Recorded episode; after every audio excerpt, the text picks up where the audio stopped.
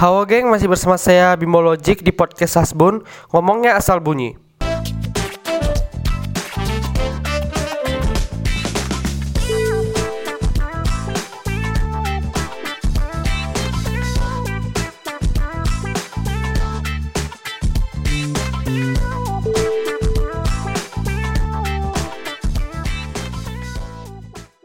Kali ini saya akan membahas mengenai fetis.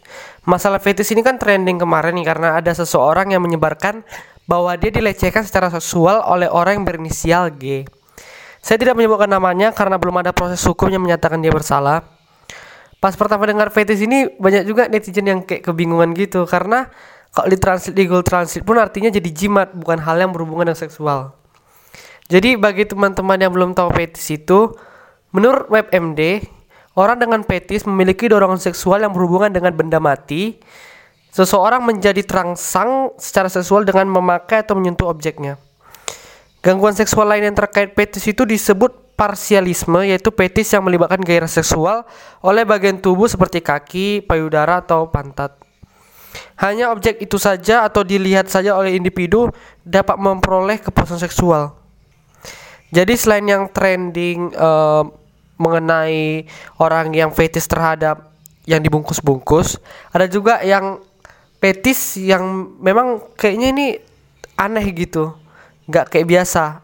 Ada beberapa yang sudah saya lansir dari internet. Yang pertama itu ada dendrofilia adalah ketertarikan seksual terhadap pohon. Jadi dendrofilia itu adalah ketertarikan seksual terhadap pohon.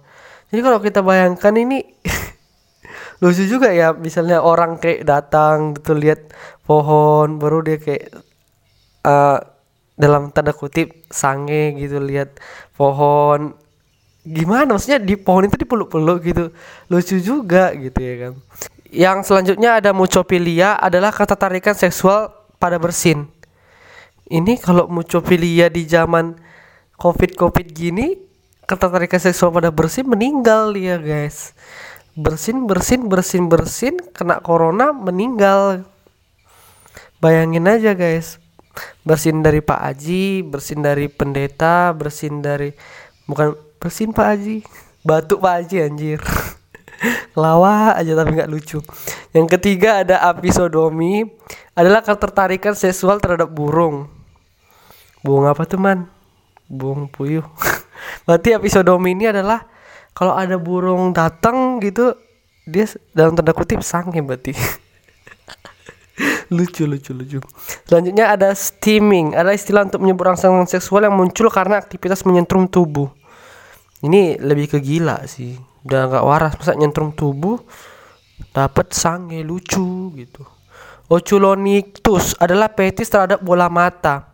Oh ini jadi Oculonictus ini aku nggak tetap cara penyebutannya ini Ocholu lincetus gitu jadi ini katanya pernah uh, jadi jadi wabah di Jepang karena kalau orang Jepang itu kalau misalnya memberikan kasih sayang itu bisa me menjilat-jilat bola mata kayak gitu.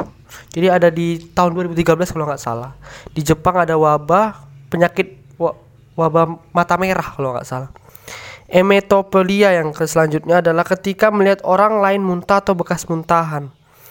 Lalu ada mechanopia tertarik secara seksual pada mesin utamanya mobil. Ini lucu ya. Misalnya ada mobil gitu Lamborghini gitu.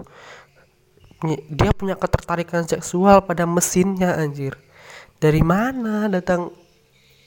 Gak habis pikir. Oke, selanjutnya ada mecopilia akan terangsang apabila merasakan sentuhan serangga di tubuhnya. Serangga, aku memang pecinta serangga sih. Ada juga foto objek serangga-serangga, tapi kalau misalnya disentuh serangga ya nggak sange lah, lucu lah kalau sange, ya kan? Jadi lanjut yang lagi trending ini adalah fetis terhadap orang yang dibungkus. Jadi ceritanya itu pelaku yang berinisial G menyuruh korbannya untuk membungkus dirinya lalu divideokan atau difotokan dengan alasan riset penelitian. Terus dari beberapa korbannya saya lihat bahwa pelaku ini selalu mencari kesalahan atau ketidaksopanan dari korban lalu menyuruhnya untuk minta maaf.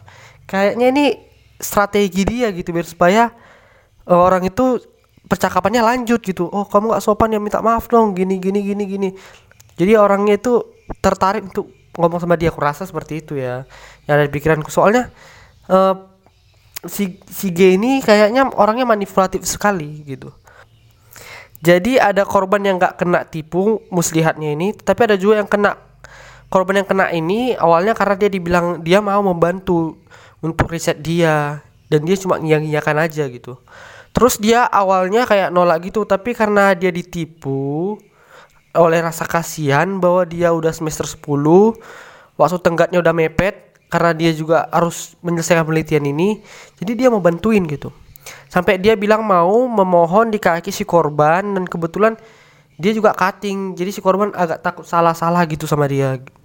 Lalu karena uh, korban gak ada partner untuk membungkus diri dia suruh teman SMA-nya dan setelah dia udah dibungkus gitu di videoin dan dikirim sama pelaku. Nah dia di situ kurang puas dan bilang bahwa videonya itu ada salah lalu mau minta videonya diulang. Tapi karena dia tahu temannya ada di situ dia nyuruh gantian ke temannya untuk dibungkus. Karena temannya kayak bungkus sebel gitu. Bungkus sebel maksudnya orangnya cocok dibungkus gitu. Terus temannya itu pas dibungkus kan kehausan dan sesek gitu.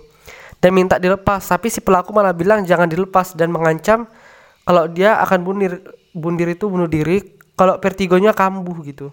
Jadi dia kayak bilang alasan-alasannya dia kayak punya penyakit vertigo gitu biar supaya dia kayak ngancam-ngancam aku punya vertigo loh nanti kalau kau kayak giniin aku aku bundir gitu. Jadi di waktu itu juga uh, pelaku nelpon teman korban buat meyakini teman korban agar ngelanjutin uh, penelitian ini atau riset ini. Terus si korban ini marah-marah lah dan bilang penelitian apa yang maksa-maksa subjek penelitiannya? Gak fair kalau punya penelitian malah neken-neken orang bertindak semena-mena. Habis itu dia katanya gemeteran si pelaku ini pura-pura lah dia kayak nipu-nipu lagi dia nuntut korban minta maaf karena dia udah marah-marah. Dan korban akhirnya memaafkan karena kasihan gitu. Jadi dari info yang saya dapat dia dari 2013 udah ada kena petis gini. Karena sekarang udah 2020 bayangkan aja udah berapa tahun 7 tahun udah berapa banyak korban yang kena gitu.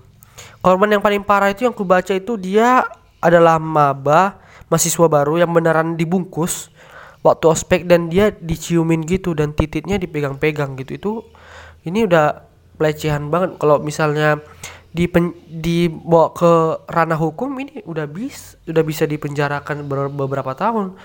Dari info yang saya baca di internet pun hukum-hukum yang misalnya uh, pelecehannya verbal seperti dalam bercakap atau pelecehan dalam ngechat-ngechat mesum gitu atau itu hukumannya udah agak lumayan parah apalagi udah sampai titiknya dipegang-pegang. Ini sudah keterlaluan dan melecehkan seksual ini sudah mengganggu uh, orang-orang gitu. Kalau mau punya fetis gitu ya jangan sampai mengganggu orang-orang. Seperti itu. Dan lebih baiknya kalau misalnya teman-teman punya fetis gitu pergi saja ke psikolog untuk untuk bersupaya fetis ini bisa dihilangkan dengan cara-cara pengobatan secara mental gitu. Jadi sekian podcast kali ini. Uh, asbun asal bunyi meskipun kita ngomongnya asal bunyi tapi setidaknya kami membaca sedikit agar uh, info yang kami kasih itu nggak asal-asalan banget gitu. Kata terakhir podcast Asbun ngomongnya asal bunyi.